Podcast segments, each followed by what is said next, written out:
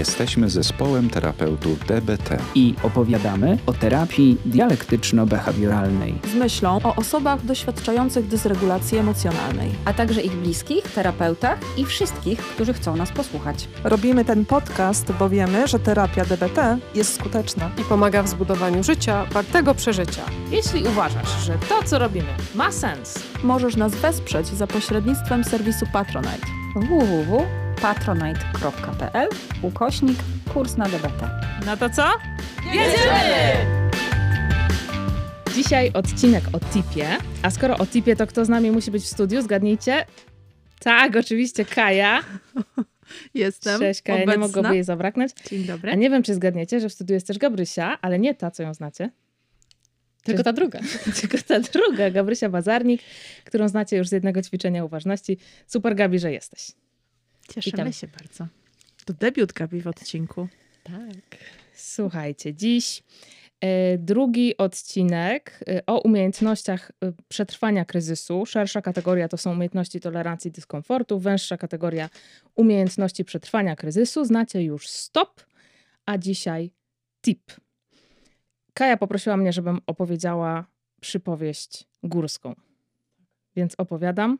Pewnie często bywacie w Himalajach na wysokości 7900 metrów nad poziomem morza, jak wszyscy wiemy, zaczyna się strefa śmierci. Taka strefa, w której jest y, bardzo, roz, y, bardzo rozrzedzone całe powietrze, więc ostatecznie możemy tlenu się nawdychać nawet trzy razy mniej niż na nizinach. Co może powodować skrajną e, chorobę wysokościową. I znalazłam taki fajny cytat na portalu naukawpolsce.pl, mm, który wypowiedział pan dr Patryk Krzyżak, który zajmuje się wspinaczką, nurkowaniem i jest kardiologiem.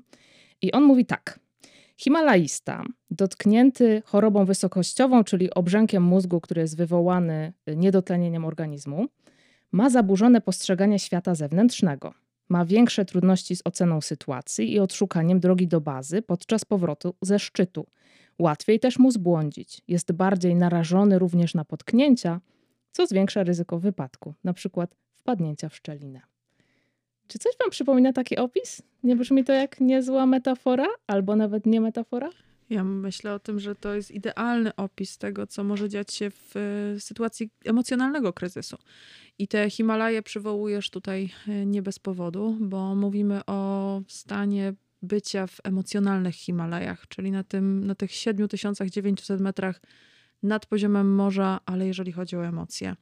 Można by powiedzieć, że nasi pacjenci z dysregulacją emocjonalną mają coś w stylu siedmiomilowych butów, czegoś takiego, co pozwala im wskoczyć na tę wysokość bardzo szybko. Ich emocje rozkręcają się i wtedy zaczyna się kryzys, albo wtedy kryzys jest w pełnym obrazie.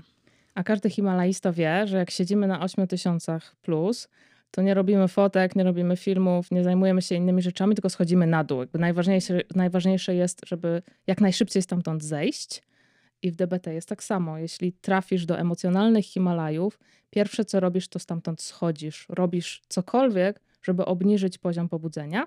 Jak być może pamiętacie w odcinku mm, piątym chyba, albo szóstym o umiejętnościach, e, mówiłyśmy z Gabrysią i z Kają o tym, że umiejętności przetrwania kryzysu to są umiejętności, które stosujemy wtedy, gdy poziom pobudzenia wynosi 7, 8, 9 lub 10, czyli powyżej 7 tysięcy, 7 tysięcy metrów. Dokładnie. No i wtedy myślimy o tym, że kiedy jesteśmy w tych najwyższych partiach Himalajów emocjonalnych, no to jesteśmy w kryzysie. I to taki stan, kiedy czujemy emocjonalne przytłoczenie i panowanie nad nami ma emocjonalny umysł. Nie możemy się wtedy skontaktować z naszą wewnętrzną mądrością. Umiejętność, o której będziemy mówić dzisiaj, będzie właśnie o tym, żeby próbować wracać do swojej mądrości, kontaktować się z nią, schodzić z najwyższych partii gór. Tak po ludzku? Pewnie wszyscy znacie taki moment, kiedy nasilenie emocji jest tak niezwykle intensywne, że tracimy kontakt z rzeczywistością. Mamy w głowie jakiś tylko jeden pomysł, najczęściej niedobry. Nie potrafimy myśleć racjonalnie, nie potrafimy myśleć spokojnie. No to, to jest taki moment. Kiedy jest jeszcze ten kryzys, to wtedy, kiedy nasze emocje są tak silne, że zabierają nam opcję użycia innych umiejętności, albo dzieje się na przykład tak, że stosujemy albo próbujemy stosować umiejętności, ale one nie pomagają. Czyli na przykład ćwiczenie uważności w takiej sytuacji super wysokiej intensywności y, emocji może nie pomóc. Tak myślę o prostej metaforze. Jak mamy auto rozpędzone do 200 na godzinę, to po prostu trzeba je zahamować, jeśli chcemy coś zmienić. Jakieś robienie jakichkolwiek innych manewrów prawdopodobnie nie będzie skuteczne. Myślę, że mówimy o kryzysie i o takich emocjonalnych wyżynach ze względu na to, że dla naszych pacjentów e, z rysem osobowości borderline, dla pacjentów z dysregulacją emocjonalną, kryzys to też jest moment, kiedy odczuwamy bardzo silne impulsy w kierunku zachowań autoagresywnych i bardzo trudno jest przekierować uwagę na cokolwiek innego. I emocje uniemożliwiają też rozumienie informacji, które do nas docierają. I myślę, że to jest rzeczywiście taki stan, kiedy ich życie może być zagrożone. Dlatego chcemy dać naszym pacjentom e, pomysł na to, jak sobie w tych najtrudniejszych momentach radzić. W zasadzie nie pomysł, tylko wskazówkę, bo Wskazówkę, tip, tak. tip Mhm. jest To właśnie wskazówką. Wtedy, kiedy jesteś w emocjonalnych Himalajach, y, ciężko cokolwiek wymyślić, sięgamy do tipu. No dobra, ale jeszcze zanim o tym, jak tip wygląda i co robimy, żeby z tych y, emocjonalnych Himalajów szybko zejść niżej do bazy, y, to Kaja, mm, nasz licencjacie neurobiologii, y, jak to działa na poziomie fizjologicznym? Układ nerwowy w naszym ciele tworzony jest przez mózg, czyli ośrodkowy układ nerwowy oraz nerwy czuciowe i ruchowe, które tworzą układ obwodowy. W nim możemy wyróżnić somatyczny układ nerwowy, który jest zależny od naszej woli. To jest taki układ, który dostaje informacje na przykład z narządów zmysłów i potrafi przekazywać informacje do mięśni. To on każe naszej nodze się ruszyć, kiedy chcemy kopnąć piłkę, albo przytula kogoś nam bliskiego, zgodnie z naszą wolą. Dobra, czyli somatyczny, zależny od woli, ja decyduję się ruszyć ręką. Dokładnie tak. Dobra. Mhm. Dobra. A, ale układ obwodowy składa się jeszcze z jednego składnika, tak zwanego autonomicznego układu nerwowego. I jego działanie jest od naszej woli zupełnie niezależne. Mhm. A informacje, które płyną z tego układu, są przekazywane do narządów wewnętrznych. Mhm. Jeśli myślicie, że to koniec podziałów, to biologia znowu nas zaskoczy. Ja już bo wymiękam, ja już wymiękam. Ale Żaden damy radę, Emilia. czekajcie, damy radę. układ autonomiczny składa się z dwóch współpracujących systemów, zwanych układem współczulnym i przywspółczulnym. Dobra, to było na biologii. Mhm. Ale ja miałam tylko trójkę, więc dawaj dalej. Ale w dobrym liceum. Dawaj dalej. I o tym warto, żebyśmy powiedziały więcej, jeśli chcemy zrozumieć, dlaczego umiejętność TIP ma zadziałać. No właśnie, Mhm. bo ja od razu powiem, że to nie jest tak, że ja jestem fanką podziałów biologicznych, tylko mówię o tym dlatego, że jeżeli coś dobrze rozumiemy, jeżeli coś jest w nas zakorzenione, to też będziemy bardziej skłonni mm, i w większej gotowości do tego, żeby zastosować coś, co faktycznie może zadziałać. Dobra, czyli mamy dwa układy niezależne od naszej woli, współczulny i przywspółczulny. Mhm. I jak to się ma do sprawy? Już mówię. Układ współczulny jest doskonale znany jako system walcz lub uciekaj. Fight or Mhm. flight. Słyszałyście na zajęciach, na studiach? Coś tam Było. było. Na pewno. To właśnie on jest aktywizowany w sytuacjach stresowych albo w momencie, gdy potrzebujemy szybkiej mobilizacji energii. Będzie pobudzał procesy takie jak zwiększone tętno, podwyższone ciśnienie krwi, rozszerzenie źrenic, a także zwiększa dostarczanie krwi do mięśni, aby pomóc w działaniach fizycznych. No musimy mieć siłę w naszych mięśniach, musimy mieć tam krew, żeby szybko uciekać. Dobra, czyli współczulny ten, co mobilizuje. Dokładnie. Dobra. Będzie też hamował trawienie i wydalanie, żeby zarezerwować energię dla bardziej pilnych potrzeb. Mhm. Przeciwstawny jest mu układ przywspółczulny, który często określany jest jako odpoczywaj i traf jedzonko. Po Mm, angielsku rest and digest. To mój ulubiony. To jest taki układ, który aktywuje się w czasach spokoju i relaksu, kiedy nie ma zagrożenia. Mhm. Pomaga obniżyć tętno i ciśnienie krwi, zwęża źrenice i stymuluje trawienie oraz procesy wydalania. Wspomaga też regenerację i naprawę tkanek. No i będzie przyczyniał się do wchłaniania składników odżywczych. Dobra, czyli współczulny aktywizuje, mobilizuje, a przywspółczulny to jest wtedy, kiedy jestem spokojna i relaksuję się. Super. Dobra, ale y, Kaja, może mnie trochę znasz, ja i tak to zapomnę.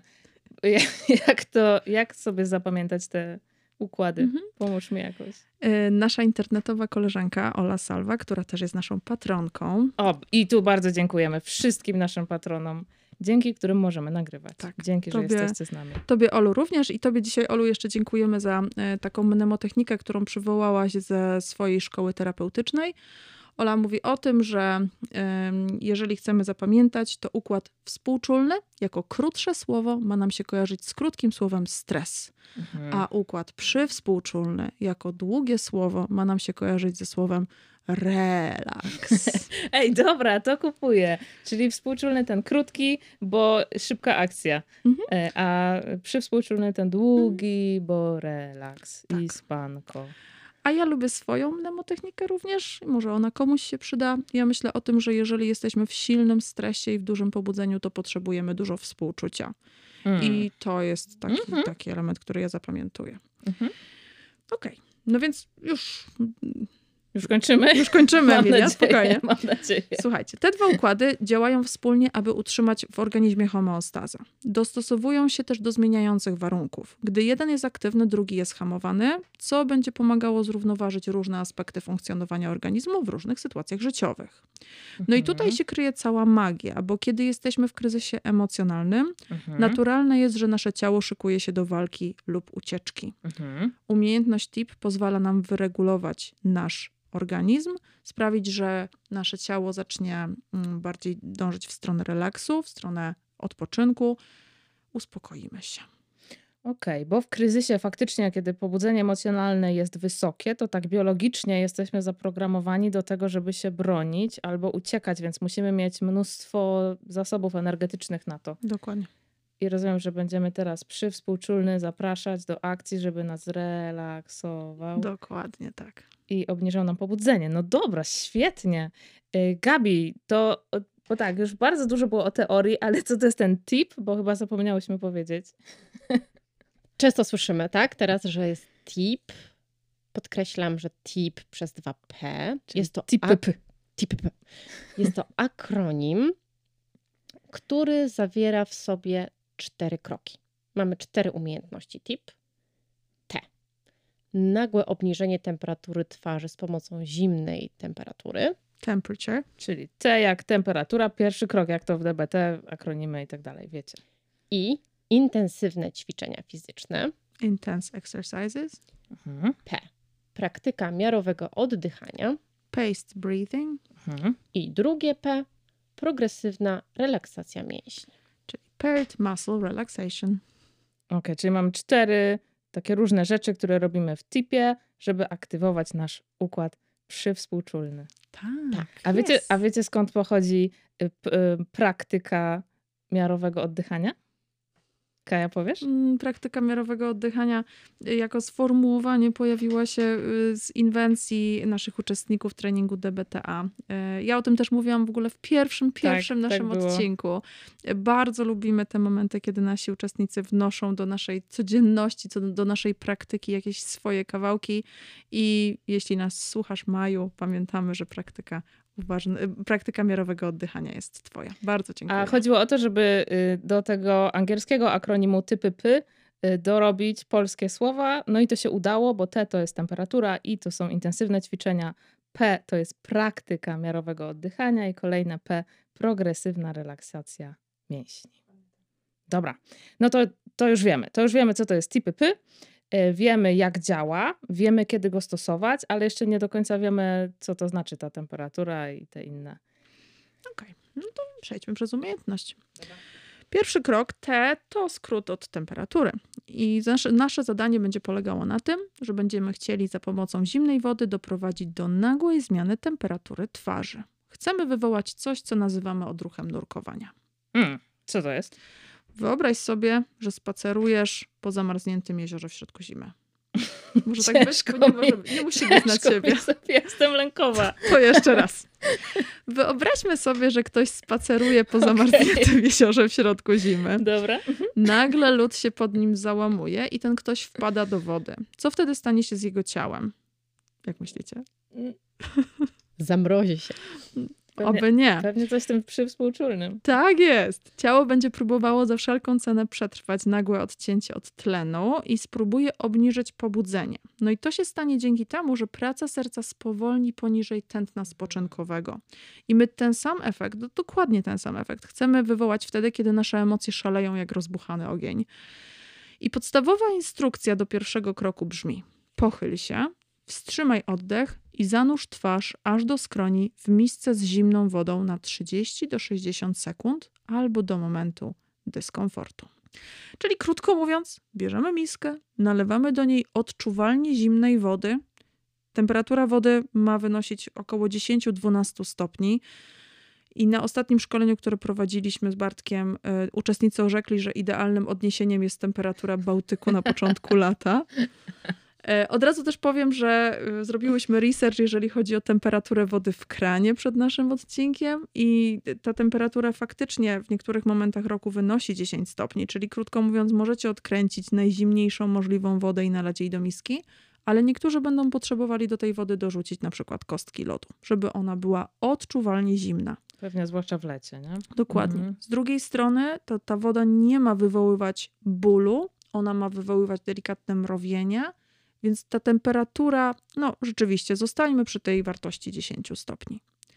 Jeśli nie masz miski albo nie chcesz zanurzać twarzy, to miej w zamrażarce żelowy kompres i przyłóż go do policzków i czoła.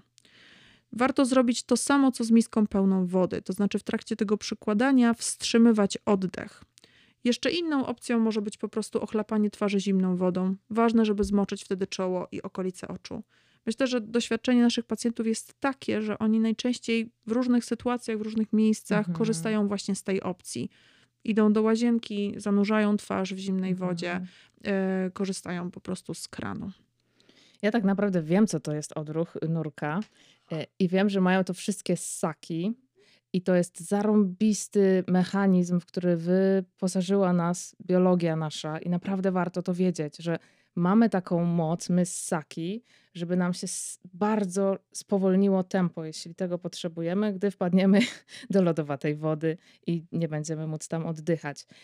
I nie ma mocy, żeby to nie zadziałało. Czyli jeśli macie wysokie pobudzenie emocjonalne, wysokie tętno i chcielibyście to obniżyć, to to naprawdę to, to musi zadziałać, bo my wszystkie ssaki mamy ten mechanizm.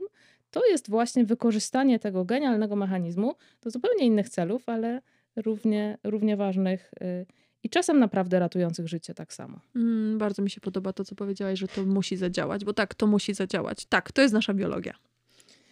Dodam, że mm, my na treningu naprawdę to robimy zawsze z uczestnikami i powiem wam, że 30 sekund to jest długo. Ja pamiętam, jak się bawiłam w basenie y, jako dziecko, tam wstrzymywanie oddechów i teraz jest mi już ciężko to zrobić. Tak? Te 30 sekund to już jest naprawdę, to jest naprawdę długo, więc zachęcam, żeby to zrobić świadomie, czyli naprawdę włączcie sobie stoper albo liczcie sobie sekundy w głowie, bo to jest równie ważny element tej umiejętności, żeby oziębić twarz i wstrzymać oddech. Nawet podręcznik mówi na 30 sekund lub y, więcej, 30 do 60. Nie? 60 to już jest jakiś hardcore dla mnie.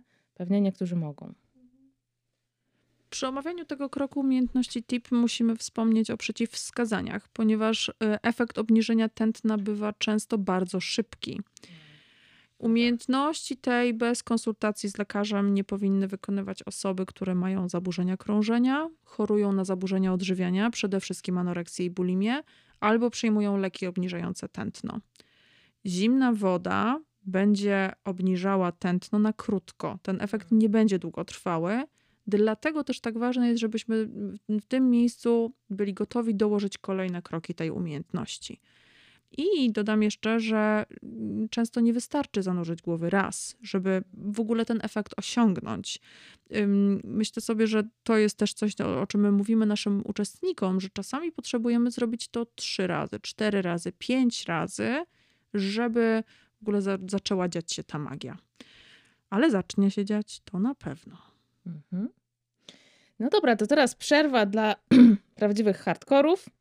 Y, Jeśli chcecie skutecznie uczyć się umiejętności DBT, to ja naprawdę Was namawiam, zróbcie sobie teraz przerwę, zapauzujcie, idźcie do łazienki, nalejcie y, do Miski czy miednicy?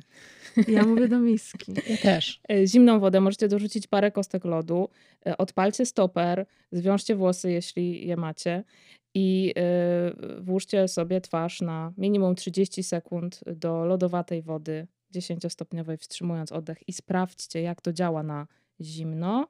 Jeśli przećwiczycie teraz na zimno, w sensie w niewysokim pobudzeniu, to łatwiej wam będzie to zrobić i przypomnieć sobie, gdy będziecie w stanie wysokiego pobudzenia. Mm, absolutnie. Dobra, kto chce ćwiczyć, to teraz. Namawiam.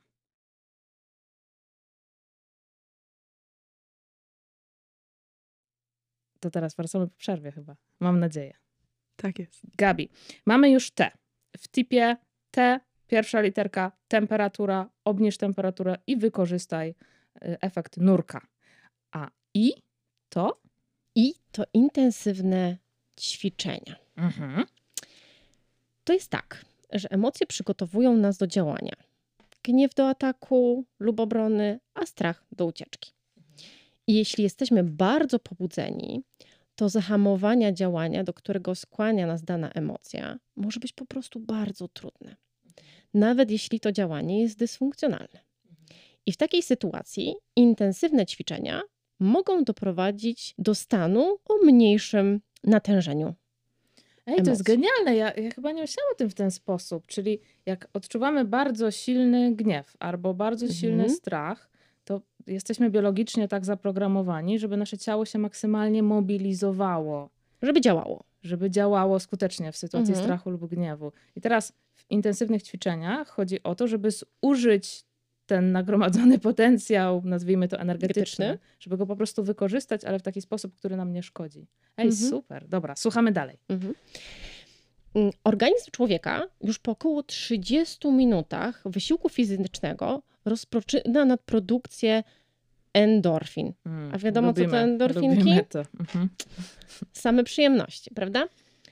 I e, podręcznik DBT wskazuje na to, żeby te intensywne ćwiczenia fizyczne wykonywać 20-30 minut. A co na to Gabriela Bazarnik? A ja na to, że myślę, że wystarczy 2 minuty. Uuu, Przygotowując się wczoraj, no. do tego podcastu założyłam, że em, chcę osiągnąć 70% moje maksyma- mojego maksymalnego e, tętna. Bo takie jest wskazanie w ogóle w, w tej części typu i intensywne ćwiczenia dojść do 70% maksymalnego tętna, czyli To jest algorytm. no, 70% maksymalnego tętna, to maksymalne tętno to jest 220 minus wiek. czyli jeśli ja mam 20 lat, to 220 minus 20 to jest 200, 70% z 200, 140. Dokładnie tak. Mhm. E, W moim przypadku, żeby uzyskać tętno 129 uderzeń na minutę, Mhm. Wykonywałam wczoraj około 50 pajacyków Mhm. w dwie minuty. I to wystarczyło, żebym z tętna około 85 Mhm. przeszła do tętna 129. Okej. I to tętno, na przykład gdybym była w stanie lęku, istnieje bardzo duże prawdopodobieństwo, że doprowadziłoby do tego, że mój lęk się zmniejszy. Mhm. Badania dowodzą, że intensywne ćwiczenia, jakie by one nie były, możecie sobie tu w tym momencie wybrać Mhm. cokolwiek byście tylko chcieli, przez 20-30 minut mogą dość szybko podnieść nastrój, ale także na przykład zmniejszyć ruminowanie Mhm. na jakiś temat. Mhm. To jest to, co pewnie wszyscy znacie z takiej sytuacji, że idziemy na jakiś trening, nie wiem, pobiegać, na basen, jesteśmy wkurzeni, albo smutni, albo przestraszeni, coś przeżywamy i naprawdę po 20 minutach nagle się robi tak spokojnie i te rzeczy się wydają mniej straszne, albo ta osoba mniej wkurzająca, o której myślimy. Rozumiem, że to chodzi o to, żeby sobie dać ten efekt, ale można to też zrobić w krótszym czasie, Mhm. jeśli to pobudzenie jest maksymalnie wysokie, to y, pomożemy sobie nawet w 2-3 minutki. Tak, jeżeli jesteśmy w bardzo dużym e, kryzysie, nie trzeba robić więcej. Wystarczy krótko, ale intensywnie. No bo w DBT jest tak, że ważne jest zrobić to, co działa. Dobra, czyli na przykład co? Ty, ty Gabi, robisz pajacyki, Mhm. Kaja? I Dla mnie działa najbardziej szybki bieg, taki skipping. To jest coś, co, co w dwie minuty na pewno podniesie mi tętno. Okej. I Mi teraz przyszło do głowy takie boksowanie. Coś, że to strasznie męczy też. Mamy tu coś jeszcze do powiedzenia? Oczywiście, to jest ten moment, kiedy zapraszamy wszystkich do próby, do dwuminutowych ćwiczeń, do próby podniesienia swojego tętna i zobaczenia, co wydarzy się, kiedy mm, usiądziecie, żeby odpocząć. To jest ten moment, kiedy aktywuje się układ przywspółczulny. To jest ta chwila, kiedy zaczynają działać te wszystkie substancje, które nasze ciało mają uspokajać. I co ważne, ja sobie przypominam, że wczoraj, jak zrobiłam tych 50, 50 pajacyków, to ten stan, w którym później byłam, to nie był taki, w którym ja padłam. Nie byłam w stanie złapać oddechu. Ja po prostu oddychałam szybciej, zrobiłam się trochę czerwona na twarzy, ale miałam takie uczucie, że jestem jakoś tak w stanie jaśniej myśleć. Nie wyzionęłam ducha. Więc wy też nie weziącie ducha, ale zapauzujcie i poćwiczcie przez dwie minuty. I my poważnie z tymi ćwiczeniami. Tak. Serio, zróbcie to. Dobra, dziewczyny, to my też. Jeśli chcecie się z nami uczyć debetu, to, to róbcie to skutecznie, czyli ćwiczcie, pauza, ćwiczymy.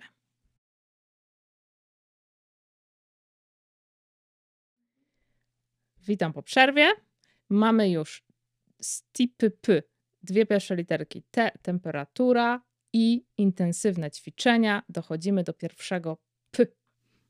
czyli do praktyki miarowego oddychania. No ja tutaj wrócę znowu do biologii, bo myślimy sobie o tym, że układ przywspółczulny i układ współczulny to są takie ogromne układy, które jakoś ogromnie nasz organizm albo dezaktywują, albo aktywują. Ale warto wiedzieć i warto pamiętać, że one tak naprawdę w naszym ciele działają cały czas, non-stop. I układ współczulny to jest ten układ, który odpowiada za to, że my robimy wdech, a układ przywspółczulny będzie odpowiadał za robienie wydechu. No więc biorąc pod uwagę, Emilia właśnie zrobiła wielki wdech i wydech. Wszystko się zgadza. Więc biorąc pod uwagę to, o czym mówiłam na początku, to znaczy, że przy układzie, układ współczulny nas bardzo aktywuje i aktywizuje, a układ przywspółczulny uspokaja, możemy się domyślić, że w praktyce miarowego oddychania będzie chodziło o to, żeby spróbować wydłużyć fazę wydechu, i trochę oszukać nasz organizm. Powiedzieć mu: jest w porządku, jest spokojnie, nie musisz się stresować, możesz przetrwać. To ćwiczenie właśnie na tym będzie polegało. Ej, poczekaj, czyli dlatego jak się tak y, oddycha spokojnie, to to jest relaksujące. To dla, nie dlatego, że się oddycha, tylko wydycha? Dokładnie tak. Ej, to jest bardzo ciekawe. Aha, no bo jakbym robiła krótkie oddechy, takie... Oj, to na pewno się zestresujesz. To się I jeszcze pobudzę. się zhiperwentylujesz. Ej, i... czyli chodzi o wydech. Dokładnie. Ej, dzięki. Chodzi o wydech. No a ponieważ nie możemy się uspokajać nie oddychając i nie, wdychując, nie wdychając powietrza, no to musimy e, wydłużyć trochę fazę wydechu. I podręcznik zaprasza nas do następującego ćwiczenia. Rób wdech licząc w myślach do pięciu i rób wydech licząc w myślach do siedmiu. Pojawia się taka proporcja 5 do 7. Policzysz? Bo ja oczywiście już chcę robić. Dobrze, no to Dzięki. ja zapraszam wszystkich do tych ćwiczeń i zaraz postawię kilka gwiazdek tutaj, ale, ale spróbujmy tak jak Wdech na nas 5, podręcznik. wydech na 7. Dokładnie. Próbujemy. I liczymy w pamięci. Raz, dwa, trzy, cztery, pięć. I wydech. Raz, dwa, trzy, cztery, pięć, sześć, siedem. W taki sposób, nadając takie tempo naszemu oddychaniu, chcemy oddychać przez dwie, trzy, dziesięć minut. To nie może być tylko jeden tego typu wdech i drugi taki wydech. Mm, Jakby ta siła dla układu współczul- przywspółczulnego musi e, nabrać trochę więcej. I znów wracam do tego, że podręcznik zaprasza nas do tej proporcji 5 do 7, ale każdy może i powinien znaleźć swój rytm. Dla mnie najlepszy, sprawdzony już przez te parę lat, to rytm 4 i 6. Robię wdech licząc do 4 i wydech licząc do 6. Czy wy macie jakieś swoje proporcje, czy dopiero będziecie ich poszukiwać? Ja mam 5 do 7. Okej. Mm. Ja też mam 5 do 7. Y, I mm, powiem wam, że ten element typu, czyli P, czyli praktyka miarowego oddychania, paced breathing, kiedyś uratowało mnie, gdy, gdy wykonywałam em, badania rezonansem magnetycznym. Kto był, to wie o co chodzi. Wpuszczają cię do takiej rury, która jest y, no, ciasna i tam są bardzo dziwne dźwięki i siedzisz tam przez 20 minut i nie wolno się poruszyć, co dla mnie na przykład było strasznie stresujące, bo ciągle jakby bałam się, że coś mnie będzie swędziało i tak dalej. Nie mówiąc o tym, że nie bardzo lubię być w tak ciasnych miejscach, jak, yy, jak ta kabina. Yy, I będąc tam przez te 20 minut, przez 20 minut robiłam sobie praktykę miarowego oddychania i cały czas robiłam wdech na 5, wydech na 7 i cały czas liczyłam w głowie. I dzięki temu to było naprawdę ok doświadczenie ale też w ogóle nie miałam przestrzeni na te myśli, o kurde, swędzi mnie lewa stopa, OMG, ale mnie teraz łokieć zadrapał. Nie? Jakby po prostu cały czas w umyśle miałam tylko te liczby, a że oddychałam w ten sposób, to też moje ciało było znacznie spokojniejsze. Mm, świetnie, że o tym wspomniałaś, bo to jest bardzo ważny kawałek tej umiejętności.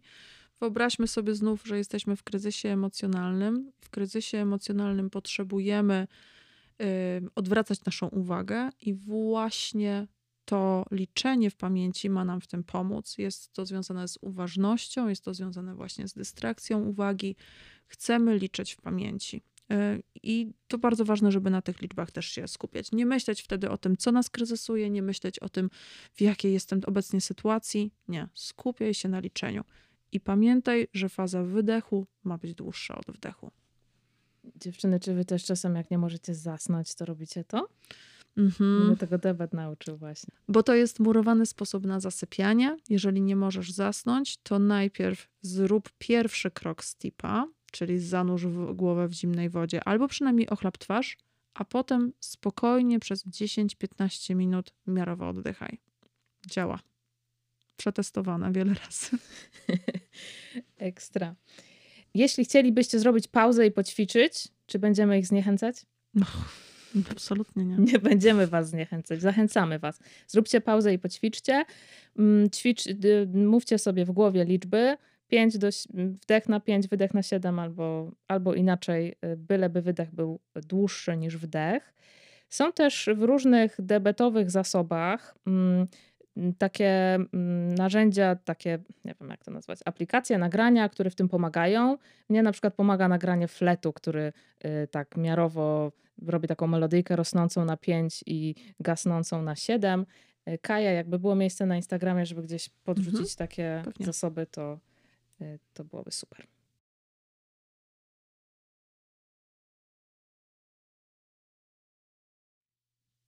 Po przerwie czas na czwarte P.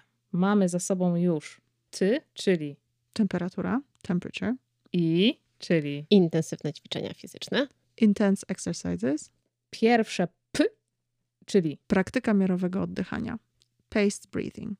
i drugie P, czyli teraz będzie o progresywnej relaksacji mięśni. Ale najpierw krótki eksperyment. Ekstra. Zaciśnijcie proszę pięści z całych sił. Ale tak, żeby knykcie zbielały? Bardzo intensywnie. Dobra. Na 5 sekund. Gotowi? Tak. No to ruszamy. Raz, dwa, trzy, cztery, pięć. Oh. A teraz wczujcie się w efekt rozluźniania. Podzielcie się dziewczyny doświadczeniami. Mhm. Ja bardzo lubię to uczucie. Uwielbiam ten moment rozluźnienia. Y, tego prądu, który przechodzi przez dłoń.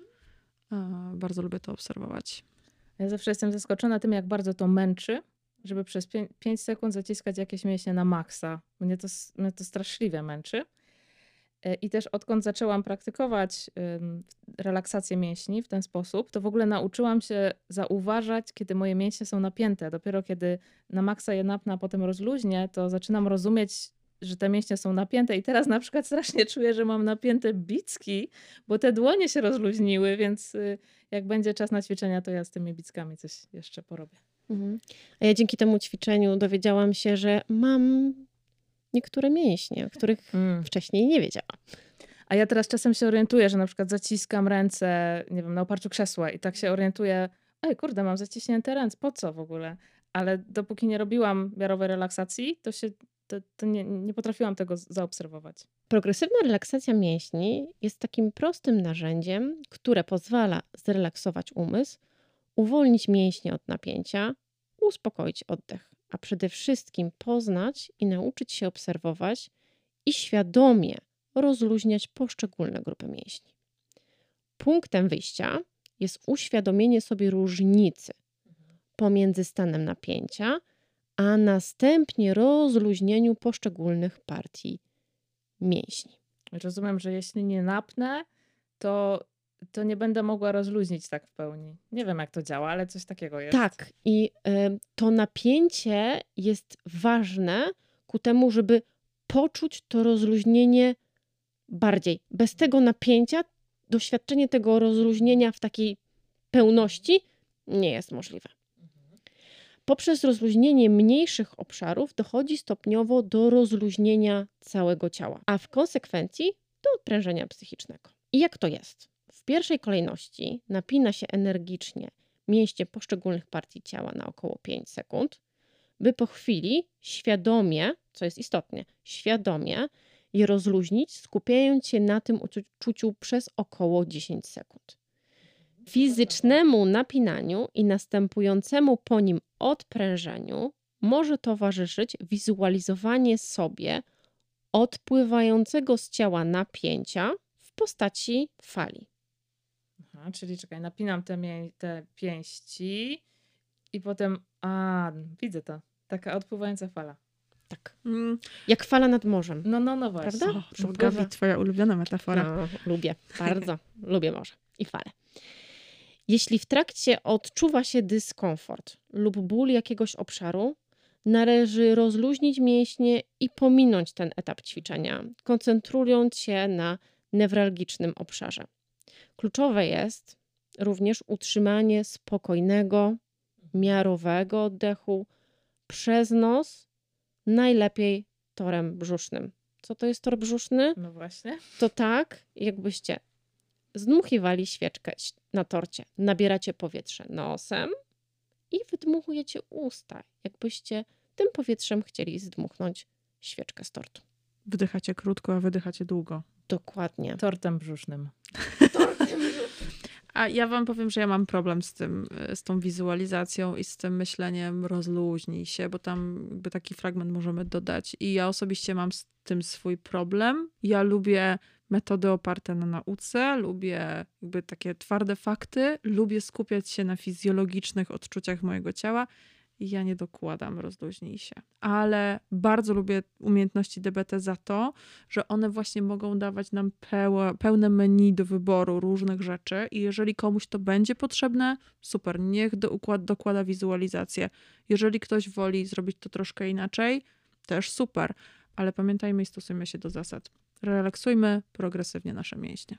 Ja na przykład nie lubię tych wszystkich rzeczy, co Kaja lubi. Prawda? I ja nie myślę sobie też, y, rozluźniając się, rozluźnij się, myślę sobie, wyluzuj mała, O, super. wyluzuj mała. I to działa. I jeśli chodzi o progresywną relaksację mięśni, to do tego odcinka nagramy również ćwiczenie progresywnej relaksacji e, mięśni i zachęcam Was do tego, żeby krok po kroku wraz z instrukcjami, które w tym ćwiczeniu się będą pojawiać, ćwiczyć. Mhm. Czyli podsumowując, ostatnia literka tipy p, p, czyli, a wiecie, że p to w ogóle nie można mówić do mikrofonu. Em, Too late. to jest progresywna relaksacja mięśni. Chodzi o to, żeby napinać poszczególne partie, partie mięśni na 5 sekund, rozluźniać na 10 i w ten sposób przyczyniać się do rozluźnienia organizmu. Jednocześnie pamiętać o spokojnym oddechu. Można wizualizować falę, można sobie mówić wyluzuj mała, można myśleć, mówić inne rzeczy, które pomagają się rozluźnić. Dobrze to zrozumiałam? Dokładnie tak. A jeśli mamy mało czasu i nie jesteśmy w stanie przejść przez wszystkie kroki em, progresywnej relaksacji mięśni, to możemy zrobić szybką relaksację. I przykład taki macie na początku. To jest ten moment, kiedy poprosiłam Was o zaciśnięcie pięści na 5 sekund i rozluźnienie na 10. Czasem to wystarczy. Można też napiąć wszystko naraz. Ja tak uczę Na moich przykład. pacjentów Mm. z ADHD, którzy się strasznie nudzą na lekcji, żeby sobie pomogli w ten sposób. E, I wtedy zaciskacie pięści, wciskacie sobie łokcie w bok, wciskacie kolano w kolano, podwijacie palce u stóp tak na maksa, spinacie brzuch, pośladki i jeszcze szczęki na maksa i oczy i wszystko, co wam przyjdzie do głowy, po prostu spinacie na maksa na 5 sekund i super działa. Mm, to prawda. Mhm. Tak. Progresywną relaksację mięśni bardzo lubię za to, że ją można robić tak, że tego nie widać. Możecie to robić na wykładzie, możecie to robić na lekcji. W Nie, tramwaju. nie róbcie tego na terapii. Powiedzcie w tym terapeucie, że macie ochotę to zrobić. To jest taka umiejętność, którą można robić wtedy, kiedy macie wysokie pobudzenie, y, nie, nie możecie wyjść, a siedzicie i możecie się tym zająć. No to mamy to, mamy całe tipy py.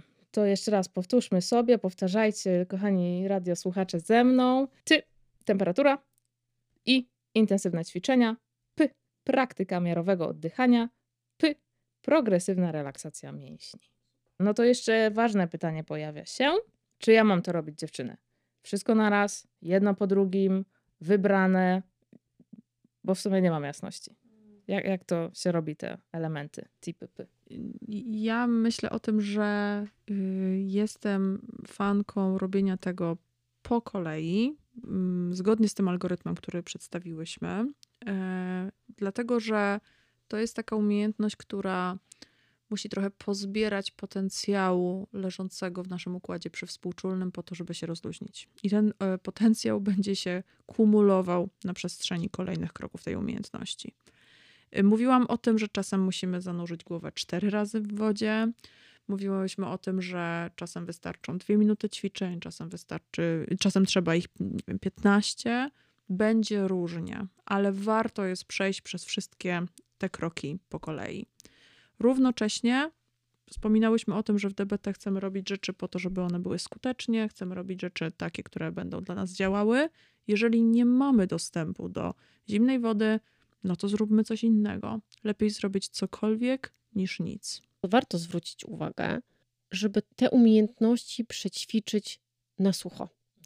To znaczy nie w stanie bardzo silnego pobudzenia, bo wtedy po to sięgać może być trudno, ale właśnie kiedy jesteśmy spokojni, zrobić krok po kroku, sprawdzić, co jest lepiej, co lepiej działa, sprawdzić, co gorzej działa, żeby później bezpośrednio, kiedy jest się w stanie bardzo silnego pobudzenia emocjonalnego, mieć już wypracowany taki swój schemat postępowania.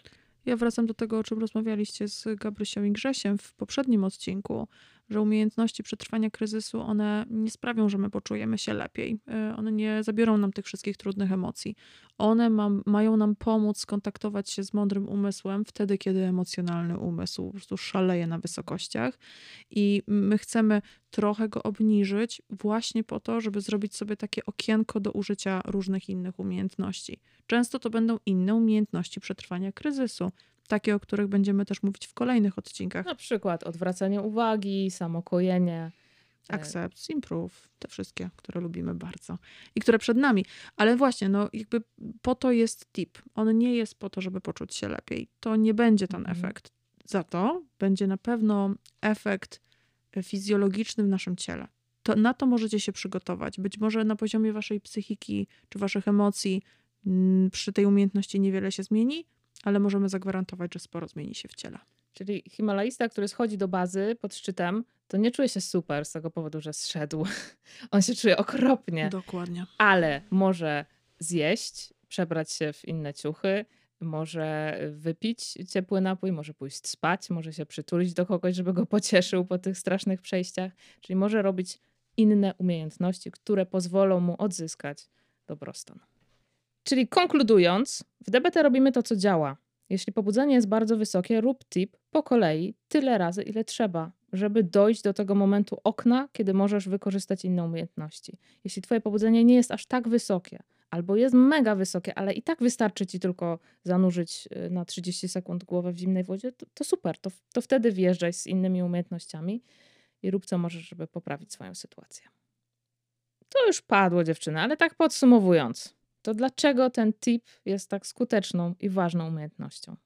bo czerpie z fizjologii i wywołuje zmiany chemiczne w organizmie dzięki współdziałaniu układu współczulnego i przezwspółczulnego. Przede wszystkim działa szybko, bardzo szybko. Umiejętności, które robimy w ramach e, umiejętności TIP, są skuteczne w redukowaniu emocji, tak samo jak zachowania dysfunkcjonalne, które, mm, no jak wiemy, chcemy ograniczać e, i chcemy wprowadzać bardziej długofalowe zmiany na lepsze. tak sobie pomyślałam, że to wszystko to, co powoduje negatywne następstwa. I o to chodzi w tipie, że on nie powo- te umiejętności nie powodują negatywnych następstw. Typ jest szybki w użyciu, nie wymaga większego namysłu. Wszyscy terapeuci powtarzają: rób tip, dlatego nie trzeba daleko szukać. Zawsze sięgajmy po tą strategię w chwilach największego kryzysu emocjonalnego. Z tych umiejętności można korzystać w miejscu publicznym. I jest jeszcze jedna wartość umiejętności tip, bo w DBT mówimy o tym, że czasem dojdziemy do momentu, który możemy nazwać punktem załamania umiejętności. Nasze y, emocje będą wtedy na tak wysokim poziomie, że możemy myśleć, że nie potrafimy użyć żadnej umiejętności. I DBT mówi nam na to, jeżeli nie potrafisz zrobić żadnej umiejętności, rób umiejętność. Pierwsza umiejętność, którą robimy w takiej sytuacji, to umiejętność tip. Myślę, że to jest taka umiejętność kolejna do włożenia do apteczki e, na sytuację e, kryzysową. Wyciągamy ją stamtąd w pierwszym, pierwszym, pierwszej kolejności. Pewnie wszyscy znacie taki moment, kiedy czujemy się tak strasznie źle, że nie wiemy, co mamy robić, że jesteśmy tak kompletnie zdezorientowani. Mnie się teraz przypomniała moja znajoma, która biegła maraton i pod koniec już była tak zdezorientowana i wyczerpana, że musiała tam po nią pobiec koleżanka i dobiec z nią do mety, bo tamta jakoś nie mogła się ogarnąć w kierunku i, i nie wiem, jakoś nie umiała już tego zrobić. Ja tak rozumiem tip, tip, czyli tip, czyli wskazówka. Jeśli tak już zupełnie nie wiem, co mam zrobić, przypominam sobie, ok, wskazówka, tip, robię te wszystkie rzeczy, o których mówiłyśmy, czyli temperatura, zimna woda, intensywne ćwiczenia, praktyka miarowego oddechu i progresywna relaksacja mięśni. To na koniec jeszcze zmieści się pytanie, dziewczyny, a wy prywatnie, za co kochacie tę umiejętność? Ja dlatego kocham tip, bo jest się w tym aktywnym. Działa się też zgodnie z jakimś schematem, a ja lubię schematy. Wiedzieć, jaki krok za krokiem mam wykonać i lubię, jak coś działa szybko. A tip działa szybko. Ja lubię tip, bo te efekty, o których dzisiaj mówiłyśmy, potrafią być bardzo zaskakujące. I jest to rzeczywiście y, takie okienko na mądry umysł. Sama też tego doświadczyłam i wiem, że to w taki sposób działa. A ja kocham tip za to, że to jest umiejętność, która ratuje życie y, i zdrowie i, i czasem naprawdę, tak całkiem poważnie. My tu trochę żartujemy, ja przepraszam, jeśli żartuję za dużo, bo czasem to są bardzo poważne tematy takie, które są kompletnie nieśmieszne. I tip y, naprawdę potrafi ratować życie i zdrowie i ja za to kocham tę umiejętność, bo nie znam drugiej aż tak skutecznej w szybkim ratowaniu życia. Mm, Myślę, że gdybyśmy zaprosiły do studia naszych pacjentów, to oni by potwierdzili Twoje słowa. To jest umiejętność, która ratuje zdrowie i życie. To co, kończymy. Życzę Wam bardzo, żeby, żebyście za często tipa nie potrzebowali, ale wtedy, kiedy będzie Wam potrzebny, to żeby przypomniało Wam się tip, wskazówka, mogę to zrobić. Mm, Praktykujcie, ćwiczcie w sytuacji, kiedy nie jesteście w kryzysie, a, a kiedy będziecie tego potrzebować, to cieszcie się efektami, jakie ta umiejętność przynosi. Ten odcinek powstał dzięki naszym patronom i patronkom. Bardzo dziękujemy, że jesteście z nami, że nas wspieracie i że uczestniczycie w powstawaniu tego podcastu. Dzięki. Bardzo dziękujemy. Dziękujemy bardzo. To co, do usłyszenia. Do usłyszenia. Do usłyszenia.